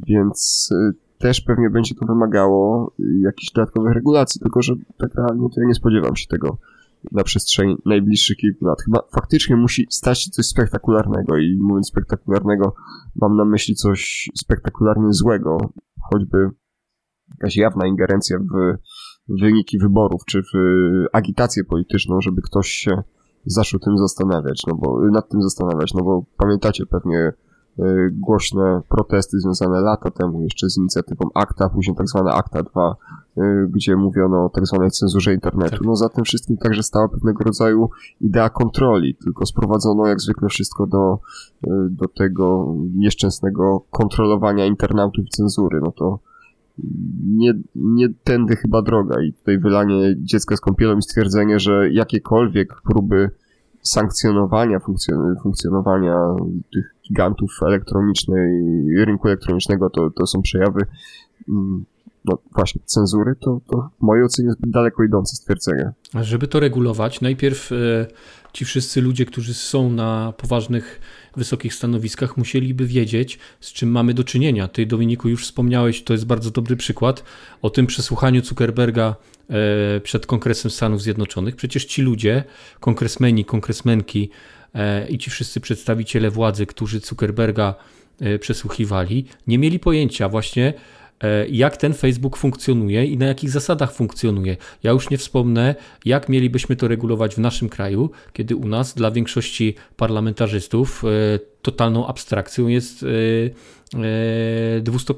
dwustopniowa weryfikacja dołączona do konta mailowego i używanie, o już miałem o tym nie mówić, ale używanie gdzieś skrzynek na, na WP czy na Onecie do, do korespondencji urzędowej, rządowej. Jak mielibyśmy to zrobić, kiedy na najwyższych stopniach władzy są ludzie, którzy tej technologii i tego dzisiejszego świata cyfrowego zupełnie nie rozumieją. Powiedzieliście samą prawdę i straszną prawdę, a ja tak sobie myślę jeszcze troszeczkę innym torem. E, załóżmy, że nawet mielibyśmy u steru bardzo kompetentnych ludzi. Pewnie musielibyśmy ich mieć e, w tym kraju, z którego wywodzą się te główne firmy w naszym rejonie świata technologicznym, czyli właśnie znów wspomniany Facebook czy Google. E, no i teraz pytanie brzmi, czy co, dlaczego, dlaczego te firmy miały, inaczej, dlaczego należałoby uderzać w interesy tych firm, które stanowią poniekąd o sile gospodarki, to raz, a dwa, firm, które właściwie zbierają informacje z całego świata i to informacje tak szczegółowe jak e, no wiecie, wiecie czego szukamy w Google. Szukamy najróżniejszych rzeczy, zapominając o tym, a Google nie zapomina o tym, czego szukamy.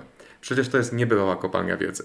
Nie chcę oczywiście mieszać wątków tutaj, bo to jest jakby zupełnie inna historia, ale pewnie nawet mhm. E, gdyby ktoś chciał to jakoś uporządkować, to niekoniecznie miałby w tym interes. Google sam chyba już na pewnym etapie E, zorientował się, że idzie to za daleko i udostępnił pewne narzędzia, e, tak e, chociażby te, które mm, usuwają już po jakimś czasie tą historię wyszukiwania defaultowo, jak, jakby to tutaj po polsku ładnie powiedzieć, domyślnie, bo dotychczas, jeżeli nie, usunie, nie usunęliśmy to ręcznie tej historii, albo nie ustawiliśmy sobie mm, jakby czas, po którym ta historia E, ma się kasować, a to moż, można było zrobić i można to zrobić, tylko no, pewnie 95% użytkowników sieci w ogóle o tym nie wie, e, to ta historia zachowywała się, tak jak Janek mówi, na wieki wieków. Natomiast teraz już e, Pewnie to też wpłynęły na to może te kary, które gdzieś tam w Europie zostały nałożone na Google. To gdzieś już to domyślnie jest nawet, że po rzucam teraz, bo już nie pamiętam okres czasowy jaki jest, ale gdzieś po 30 dniach czy po 6 miesiącach e, gdzieś ta historia zostaje e, zamazana naszych, naszych wyszukiwań w Google, gdzie być może właśnie Google już samo zorientowało się, że troszkę idzie to za daleko i że możemy mieć z tym w końcu no jakiś aż, problem. Aż, e, aż mnie kusi, żeby zadać Wam pytanie, czy jesteście sobie w stanie wyobrazić w tym momencie usługę taką jak Google, czy taką jak Facebook, Facebook będzie łatwiejszym przykładem, czyli e, rozbudowany portal społecznościowy, mhm. z którego korzystają miliony, setki milionów ludzi na świecie, który jest płatny. Realnie nie ma, nie ma takiej możliwości. Nie, nie ma takiej możliwości. Jak y, Facebook ma teraz ile? 2 miliardy użytkowników zapewne, albo więcej. No to ile by miał tych użytkowników? 20 tysięcy może płatnych? I na czym miałoby to bazować? Co, co miałoby tą być wartością dodaną w Facebooku, gdyby miałby no być właśnie. płatny? dla użytkownika. No więc jakby. Ja wiem do czego zmierzasz, do tego, że Facebook musi jakoś zarabiać i dla nas, tak jak tutaj siedzimy we trzech, to jest oczywiste. Natomiast dla osób siedzących w Polsce na wiejskiej, czy w jednej czy drugiej izbie parlamentu amerykańskiego, no to może być odrobinę inna historia, ale z drugiej strony pomyślcie jeszcze o niedawnym przecież przykładzie TikToka. Przecież za y, kadencji poprzedniego prezydenta Stanów Zjednoczonych Donalda Trumpa zakazano tak naprawdę, znaczy zakazano to może duże słowo, y, mówiło się o banie dla y, właśnie TikToka jako spółki, jak usługi pochodzącej pierwotnie z Chin. No i tak długo jak, jak te dane są gromadzone przez nasz rodzinny, rodzimy amerykański konglomerat czy, czy podmiot, to jest super, no ale jak się okazuje, że te same dane są zbierane tak, tak gdzieś tak, indziej, tak. no to już tak fantastycznie kolorowo nie jest. Dokładnie tak. Po, po, podwójne standardy stosowane są tak, tak. tak naprawdę na, na porządku dziennym i nawet nikt nie stara się udawać, że jest inaczej. Tak, tam, tam było zresztą takie zastrzeżenie, nie? że albo przeniesiecie e, te dane na serwery amerykańskie, albo nie będziecie funkcjonować w Stanach Zjednoczonych w ogóle. Powiedz mi, Janku, już z perspektywy marketera, czyli z drugiej strony, bo e, świadomość użytkowników o przetwarzaniu ich danych, e, mimo wszystko, mimo wszystkiego tego, co już powiedzieliśmy, to jednak mimo wszystko rośnie. Czy to w jakiś sposób utrudnia pracę Y, marketerom internetowym i tym wszystkim ludziom, którzy stoją za tymi reklamami targetowanymi. E, mówię o tym, że e, ludzie stosują różne wtyczki dla ochrony swojej prywatności. E, przeglądarki, Brave, Tory, VPN-y i tego typu narzędzia. Czy to w jaki sposób widzisz, że jest taki trend i gdzieś część tego rynku właśnie odpłynęła w tą stronę ochrony takiej, może nawet złudnej, ale jednak mimo wszystko jakiejś ochrony?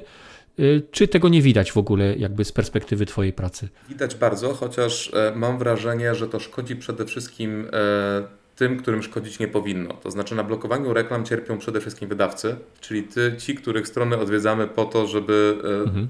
dostawać darmowe treści.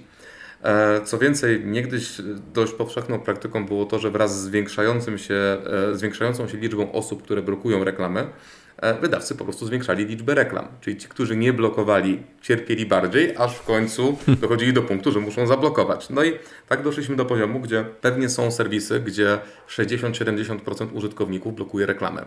No i należałoby zadać sobie pytanie, E, z czego wydawca, za co wydawca ma tworzyć treści, płacić swoim dziennikarzom, w momencie, kiedy 70% jego odwiedzin nie generuje żadnego e, przychodu. Także to jest poważny problem. Czy jest to problem dla e, reklamodawców czy platform, które wprost odpowiadają za emisję reklam? Oczywiście, że tak. Prawdopodobnie najmniej w najmniejszym stopniu cierpią ci najwięksi, którzy po prostu są w stanie jakby we własnym ekosystemie promować różne produkty i nie, nie muszą korzystać z powierzchni wydawców do tego, żeby funkcjonować. Więc tak to, tak to pewnie wygląda. I do tego jeszcze jest ten drugi aspekt, to znaczy zmiany technologiczne, o których się teraz mówi. Zmierzch ciasteczek e, śledzących, żeby nie nazywać ich ponownie third party. E, to znów też są zmiany, e, które będą miały wpływ na branżę, ale niekoniecznie będą miały wpływ na największych tej branży.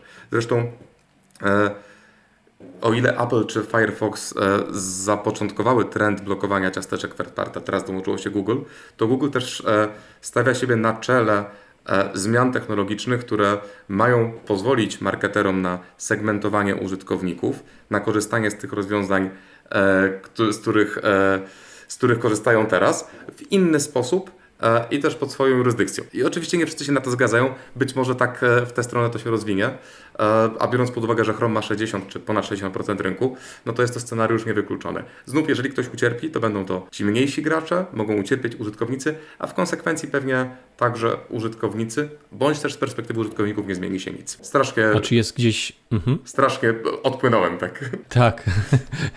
nie, bardzo fajnie, bo, bo różne, różne jakby można przyjmować punkty punkty widzenia tego tematu. A czy jest gdzieś za rogiem technologia, która mogłaby te ciasteczka, o których mówimy, zastąpić, skoro już e, jakby wchodzimy w zmierzch tego, tej technologii? E, no to można się tutaj na przykład odnieść do propozycji e, Google'a. Google mówi tak, mamy dziesiątki firm, które w jakiś sposób śledzą użytkownika, segmentują. Spróbujmy podejść do tematu inaczej.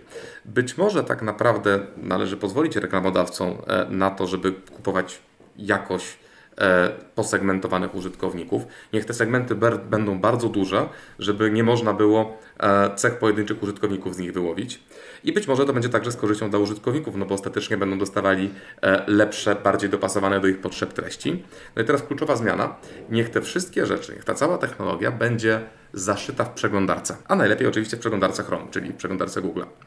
E, I to jest e, jeden z wielu pomysłów, które mają być odpowiedzią na, na ten problem związany z śledzeniem użytkowników za pośrednictwem ciasteczek. I tutaj znów możemy nawiązać do tego, co mówiliśmy na początku.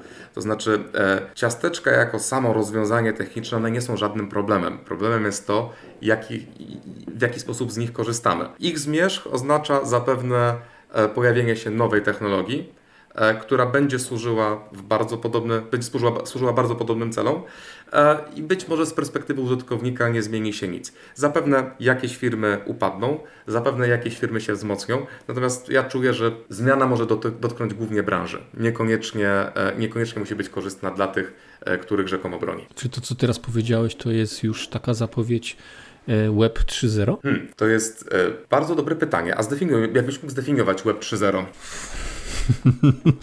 To jest bardzo trudne pytanie. No, jest to pewnego rodzaju rewolucja, tak jak mieliśmy mm, e, do czynienia w przypadku Web 2.0 rewolucja. No tak, to była pewna rewolucja. Przeszliśmy przecież e, od takiej jakby E, jednokanałowej komunikacji, czyli e, mm, właściciel pewnego serwisu czy usługi w internecie, to była tylko jednokierunkowa komunikacja. On coś nam chciał przekazać, a myśmy byli tylko odbiorcami. Teraz mamy e, wszystkie social media e, interaktywne strony, w których mamy e, komentarze, wszystko można w sposób multimedialny zobaczyć, obejrzeć i tak dalej, i tak dalej, więc tak to definiuję.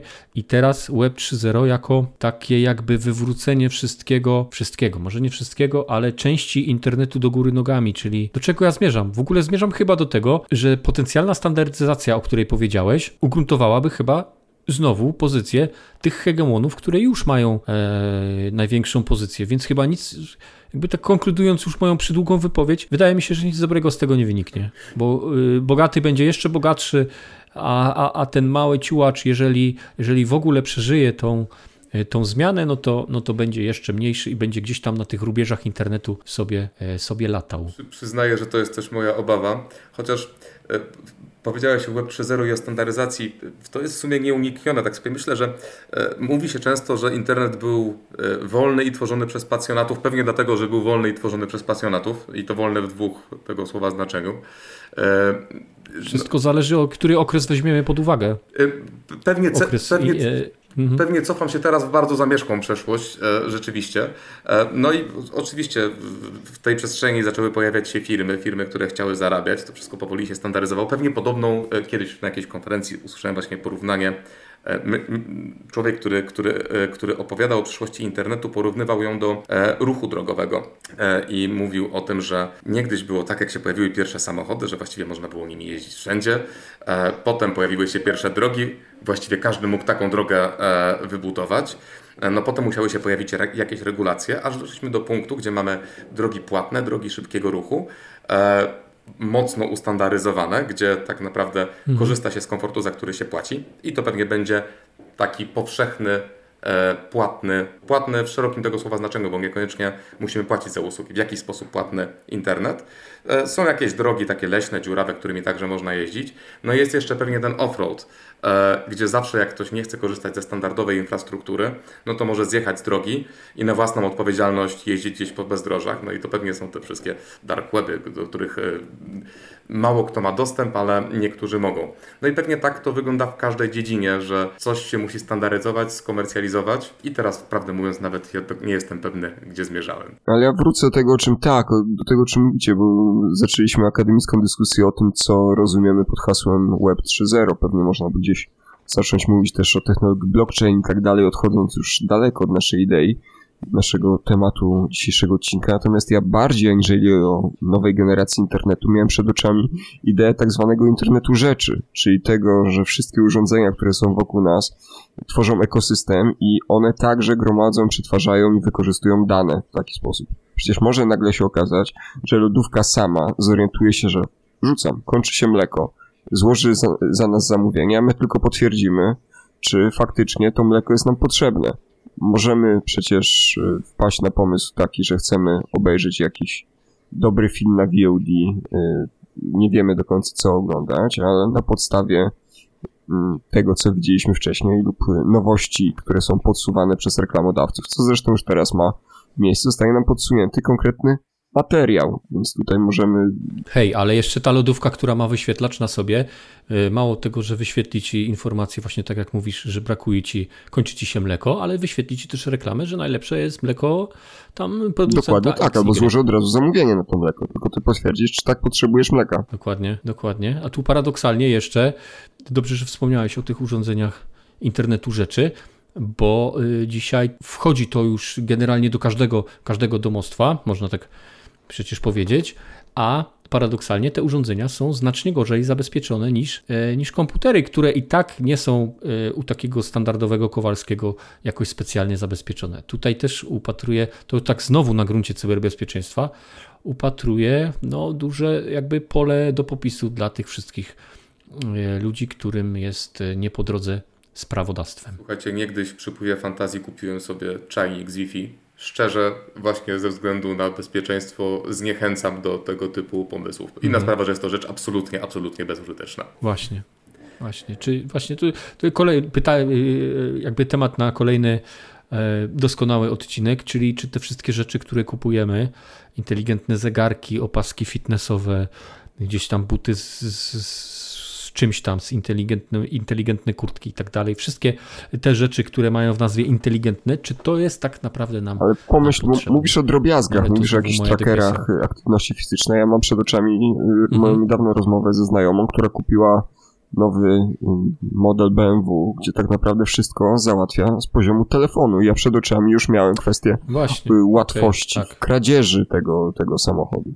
Już nawet nie tyle, jak przecież kiedyś na walizkę dokonywano kradzieży pojazdów, czy w przypadku bezdotykowych, mm. bezkluczykowych y, samochodów jeszcze na jeszcze inne sposoby, ale tutaj to mam wrażenie, że to jest tylko kwestia kilku kroków. Tak samo przecież to prawda. Tak samo przecież są piece, mhm. czyli do, stosowane różnego rodzaju w domach, które można, czy systemy klimatyzacji, w których można ustalić określone parametry, jeżeli nawet jesteśmy kilkaset kilometrów od domu, czy ustawić na określoną godzinę.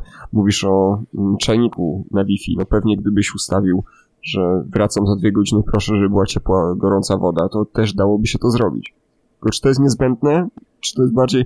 Mam wrażenie, że trochę się zachłysnęliśmy tymi nowinkami. Staramy się, może nie tyle my, ale mm, producenci starają się wcisnąć je wszędzie, gdzie się da. No bo jak inaczej namówić kogoś na to, żeby wymieniał mm, telewizor, pralkę, lodówkę, zmywarkę częściej niż raz mhm. na 10 lat. Jeżeli mu się nie zepsuje, nie? Musi być jakiś impuls do tego, żeby, żeby on to kupił. I wtedy takim impulsem jest to, że, że pralka, czy tak jak tu mówisz, czajnik, y, ma jakąś wartość dodaną, znowu będę mówił o tej wartości dodanej, że po, zobacz, możesz wysłać SMS do czajnika i on ci zagotuje wodę. Nie musisz już iść tych dwóch metrów Tylko do wtedy kuchni. wystarczyłoby zadać jedno, ale tutaj parafrazuję klasykę polskiego kina, jedno zajebiście ważne pytanie. Po co? Tak.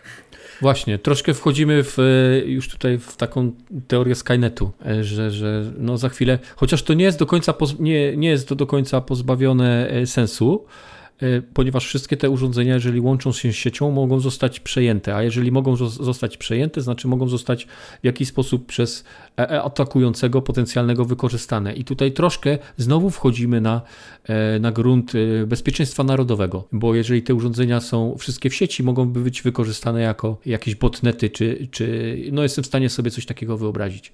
I wtedy atak na jakąś infrastrukturę kluczową państwa na przykład mógłby być możliwy. No niewykluczony jest na pewno taki scenariusz. Słuchajcie, roztoczyliśmy w tym momencie dość przerażającą wizję. Przyszłość nie rysuje się. Sam się, sam się zorientowałem, że od reklamy kontekstowej doszliśmy do... Do, do Skynet i padło już magiczne słowo Skynet. I generalnie ataku, ataku, cyberataku na infrastrukturę państwa. Słuchajcie, najgorsze, że na każdym poziomie nie było miło. To znaczy, nie wiem, czy ta wizja mnie, e, konsumenta 3.0, który nawet nie musi podejmować decyzji, co kupić jakiej firmy, nie przeraża najbardziej. E, może dlatego, że wydaje mi się e, jak najbardziej realna i tak wcale nie odległa. Przykro mi, Dave, ale nie mogę ci pozwolić na zrobienie tego, tak? tak. Należałoby znaleźć jakiś taki, myślę, że pozytywny akcent teraz może y, przychodzi wam do głowy, jaka jest korzyść y, z... No to ty nam powiedz, jesteś człowiekiem z branży, y, z pewnością jesteś dobrym człowiekiem, więc y, pracujesz w tym, więc powiedz, co my jako, jako zwykli zjadacze chleba e, mamy z tego, że, że to, y, że ktoś nas kontekstuje. Co dobrego, tak? Tak. E, tak Bo ja ci powiem, ja widzę na przykład, ja, tak jak powiedziałeś, y, zepsuje mi się, zepsuła mi się pralka, czy, czy chcę kupić nowy telewizor, yy, czy też, no i szukam, no chyba każdy z nas pierwsze kroki przy kupnie nowego sprzętu RTV AGD kieruje do, do internetu i wyszukuje sobie tego mm, i niejednokrotnie już miałem tak, że później, tak jak już powiedzieliśmy na wstępie, e, różne propozycje tego sprzętu, który gdzieś wyszukiwałem w sieci, pokazuje mi się w reklamie kontekstowej, czy to na Facebooku, e, czy w innych miejscach, które odwiedzam. I czasami znajdę naprawdę dobrą promocję, i tutaj widzę plus tego wszystkiego, bo ja jakby jestem realistą. Wiem, że to będzie trwało i wiem, że to jakby to profilowanie mnie e, jest i będzie, więc nie mam z tym jakiegoś większego problemu, a jeżeli trafię jakąś fajną promocję, no to, no to tylko dla mnie przecież jest plus. To prawda, znaczy w ogóle pewnie wszystko, co jest związane z komfortem, no bo ostatecznie reklamodawcy tak, tak, nie tak, chcą tak, dla nas źle. Reklamodawcy chcą, żebyśmy y, żyli długo i szczęśliwie i kupowali ich produkty. Na pewno nam nie życzą źle.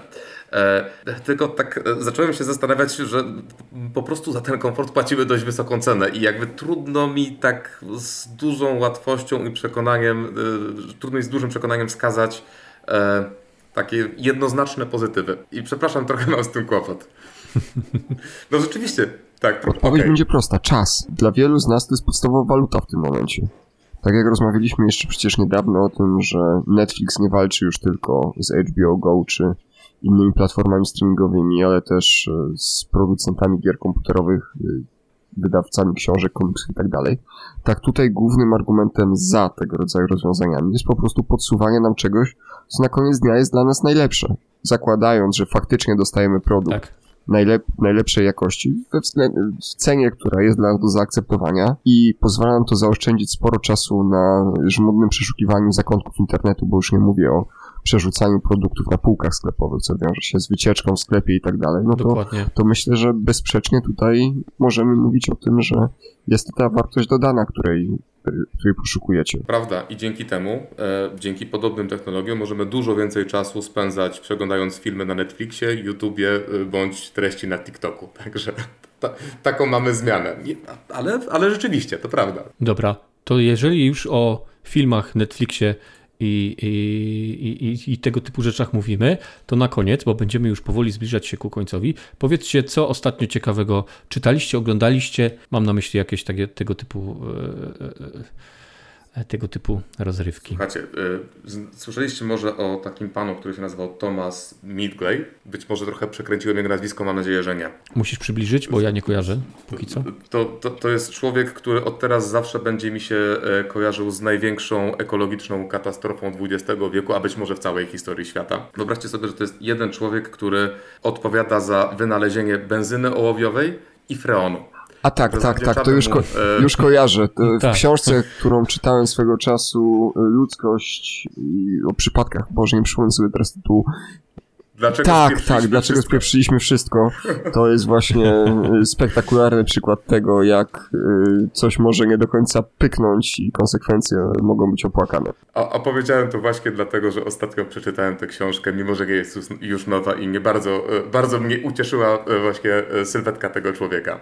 Ale to fajnie. To, to już naprawdę, chyba z czystym sumieniem możemy polecić tę książkę.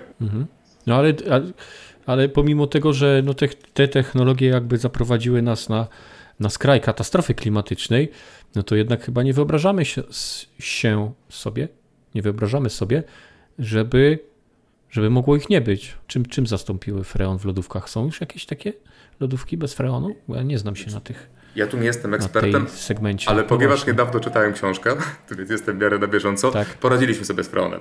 E, poradziliśmy sobie z freonem, także mamy dość dobre alternatywy dla niego i z benzyną owiową na szczęście też sobie poradziliśmy, bo podobno e, powodowała, że ludzie stawali się agresywni i nawet są jakieś badania, które wskazują O. na korelację to- między wzrostem agresji w XX wieku a benzyną owiową. Nie wiem, czy na wyrost, czy nie, e, ale poradziliśmy sobie chyba z jednym i drugim. No, mamy nowe wyzwania. A to, to... No benzyny nie należy pić, nie pijcie To prawda, benzyny. niezdrowo. Agresję powoduje. Pamiętajcie, że gdyby te samochody były na gaz, te wojny byłyby gdzie indziej. To prawda. No I tak, wtedy szejkowie raczej nie mogliby sobie do PSG kupić y, takiej liczby zawodników z Messim na czele, chociaż akurat Messiego to nie kupili, ale Donnarumy, Hakimiego i można by tutaj wymieniać dalej i jakoś bardzo ja bym chciał zrozumieć, to, to już totalna dygresja, jak działa to finansowe fair play w przypadku UEFA.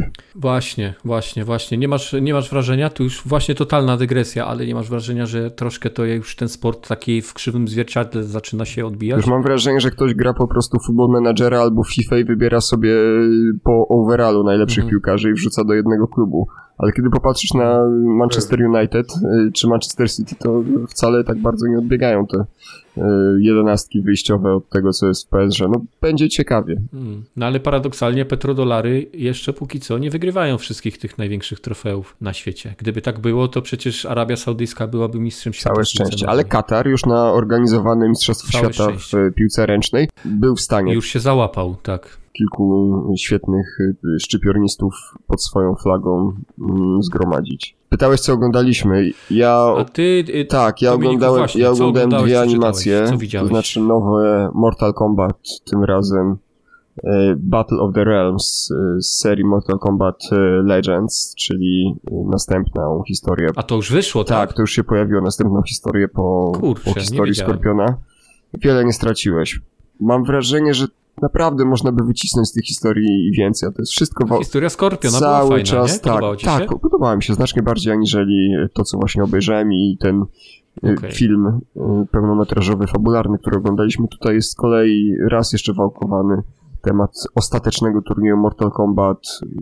Nie no, kilka, kilka efekciarskich scen walki, natomiast nic y, nadzwyczajnego, tak nie wiem, 5 na 10 to jest, Mhm. to jest maks, co może co może z tego być. Y, Widziałem także Wiedźmina z Mory Wilka na Netflixie, czyli film animowany, który pojawił się mm, właśnie na platformie Tak streamingowej. Mi się podobał. Mm, Rozumiem zastrzeżenia, pewne rozwiązania fabularne są trudne do zaakceptowania, natomiast jako taki przyjemny popcorniaczek jak najbardziej tak.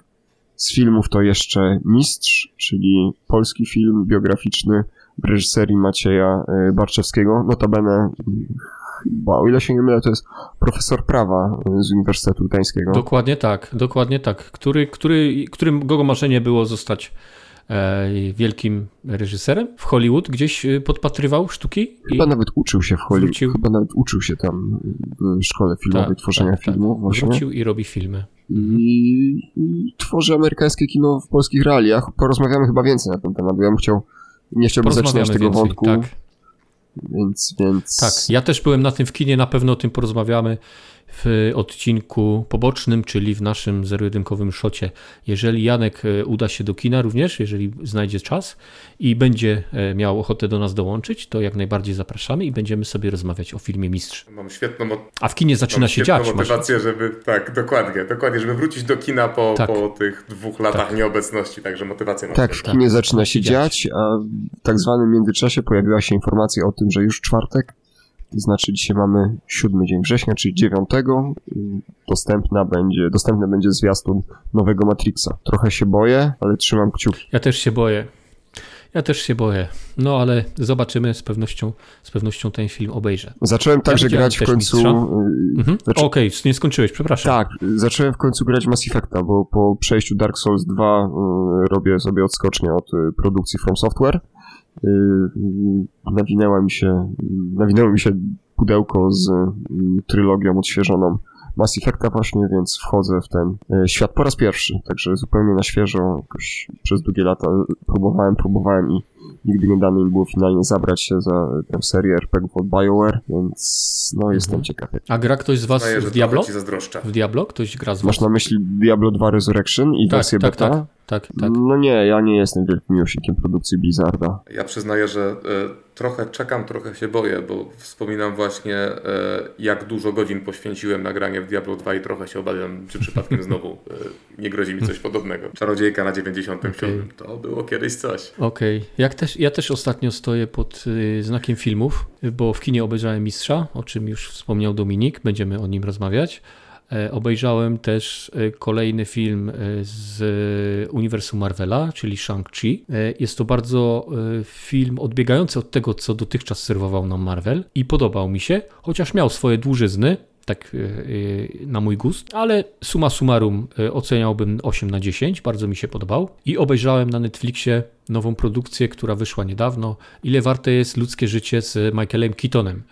Michaela Keatona uwielbiam, dlatego też zabrałem się za ten film. I to jest film, to nie jest akcyjniak, to jest oczywiście dramat, opowiada historię rodzin ofiar, który, ludzi, którzy zginęli w zamachach z 11 września, pod kątem tego, y, jak państwo mm, rekompensowało im te śmierci, czyli jakie uzyskali za to wszystko i w jaki sposób dochodzili do tego, żeby uzyskać za śmierć swojej, swojej bliskiej osoby odszkodowanie od rządu Stanów Zjednoczonych.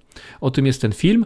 E, trzeba się przygotować na film przegadany, trzeba się przygotować na dramat Michaela Keatona, który, no, tak jak zawsze, y, gra bardzo dobrą rolę. Y, Nie jest to na pewno film dla wszystkich, ale mi się bardzo podobał. Mogę polecić na Netflixie. Co nie jest częste, bo na Netflixie już nieraz narzekaliśmy, że filmy to, no to nawet z wielkimi nazwiskami no, wychodzą różnie, zazwyczaj słabo, ale ten spokojnie mogę, mogę polecić. Ile warte jest ludzkie życie? No, co gram? Jeszcze gram, to już chyba mówiłem w poprzednim odcinku, nie wiem czy, czy zaznaczałem, ale jeszcze nie skończyłem. Cały czas zrobiłem sobie przerwę od Humankind i gram w pierwszego Batmana od Rocksteady. e, to w ramach kubki wstydu, uzupełniania kubki wstydu albo, albo redukowania kubki wstydu, czyli pierwszy Batman już leciwy od, od Rocksteady. No i przeczytałem pierwszy tom kolekcji Hachette, Batman, Gotham to ja. I to wszystko z mojej strony. No, jeśli o mnie chodzi, to co ostatnio czytałem już wiecie. Jeżeli chodzi o granie, to obawiam się, że tutaj nic ciekawego nie mam do powiedzenia, bo jest to cały czas cyberpunk, który nie wiem, czy jestem w mniejszości, ale... Na czym? Na jakiej platformie? E, na, w tym momencie, znaczy Cyberpunk jest też elementem testowania GeForce Now e, w moim wypadku, także na początku to był PC, a w tym momencie, w tym momencie to jest tak, że... Tak. Chyba GeForce, na GeForce Now działa całkiem nieźle ten Cyberpunk, bo też poprawnie, jeżeli się mylę, ray tracing tam hula, jeżeli stabilnie działają serwery, to powinno być całkiem dobrze. Ja zresztą także tę... Y opcję na GeForce Now mm, Premium Founder Edition mam wykupioną podaj jeszcze na najbliższe 8-9 miesięcy, ale tak jakoś się nie złożyło, żebym cokolwiek dłużej zagrał. Najbardziej irytującą rzeczą w tej usłudze jest niestety konieczność logowania za każdym razem do zewnętrznego serwisu, czy to do Steama, czy to do Goga i te przejście tej autoryzacji dwupoziomowej. No bo każdym, za każdym razem logujemy się na odrębnej innej platformie i y, z punktu widzenia naszego konta to jest po prostu osobny użytkownik, tak? Więc dostajemy na maila potwierdzenie, wymaga to autoryzacji i ta zabawa trwa niestety w kółko. Czego nie ma na stadii i nie ma też na Y, Microsoftowym xCloudzie. To prawda, jest to bardzo duża niedogodność, ale rzeczywiście ten ray tracing, który się pojawia w cyberpunku, e, no i też e, z mojej perspektywy bardzo duża stabilność e, samej rozgrywki. Znaczy, nigdy nie miałem żadnych problemów z tym, żeby cokolwiek, z jakiegokolwiek powodu mnie rozłączyła, bo coś się wydarzyło, no to, to, są, to są duże rzeczy na plus, ale też nie chcę przesądzać o wyższości nad pozostałymi platformami, bo po prostu pozostałych nie znam. Także. No, Xbox One i Cyberpunk nie nie polecam. Mogę tak tylko krótko skwitować. Rozumiem, rozumiem. I też mi się wydaje, tak jak Dominik powiedział, tak, yy, że to chyba w streamingu granie w Cyberpunka akurat, jeżeli o tym tytule rozmawiamy, to jest najlepsza opcja. To prawda i dzięki temu można, no, mierzyłem się z, z decyzją, czy inwestować w kartę graficzną. Na szczęście nie musiałem się na to decydować. O, inwestować to jest jedno, a potem zdobyć ją to jest drugie.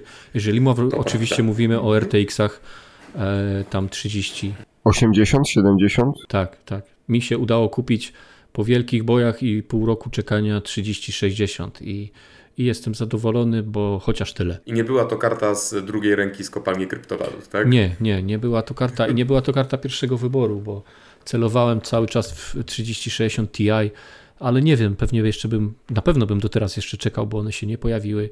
No i zdecydowałem się jednak na tą, na tą słabszą, żeby cokolwiek mieć, jednak włożyć do, do tego komputera. No inwestycja teraz w nowy hardware to jest naprawdę wyzwanie, dlatego ja tak, też tak, tak. zostaję I pod względem cenowym i pod względem tak, żeby to po prostu znaleźć. Ok, a ty jeszcze mówiłeś Dominiku, że czekasz pewnie na patcha do e, PS5. Dokładnie, czekam na patcha next genowego, czy to na PS5, na Xboxa Series e, X. Nie pali. Myślisz, że się w tym roku jeszcze pojawi? Nie sądzę. Powiem tak, powinien być przed gwiazdką. O, bez wchodzenia w detal. Mimo tego, że, że okay. komentarze są różne, to nie mogę potwierdzić, ale, ale spodziewam się, że przed gwiazdką będzie możliwość zagrania w next-genową jeszcze wersję. No to co, będziemy kończyć. Ja bardzo dziękuję y, Jankowi dzisiaj za przygotowanie i, i referowanie tego arcyciekawego tematu o śledzeniu użytkowników. Bardzo mi się podobało, to jest bardzo ciekawy temat. Jeżeli tylko będziesz miał ochotę, to zapraszamy y, częściej do zero-jedynkowego podcastu. Bardzo było fajnie, myślę, że Wam też się podobało. Wam, moi współprowadzący. Ja dziękuję bardzo za zaproszenie, naprawdę super się bawiłem i mam nadzieję, że y, rzeczywiście będziemy mieli okazję to powtórzyć. Na to wszyscy liczymy. Tak, to co, y, słyszymy się w kolejnym odcinku Shota bo tego, to się chyba pojawi następne, a za dwa tygodnie słyszymy się w kolejnym odcinku pełnometrażowego, zero podcastu. Ja za dzisiaj Wam dziękuję. Do usłyszenia, cześć. Hej!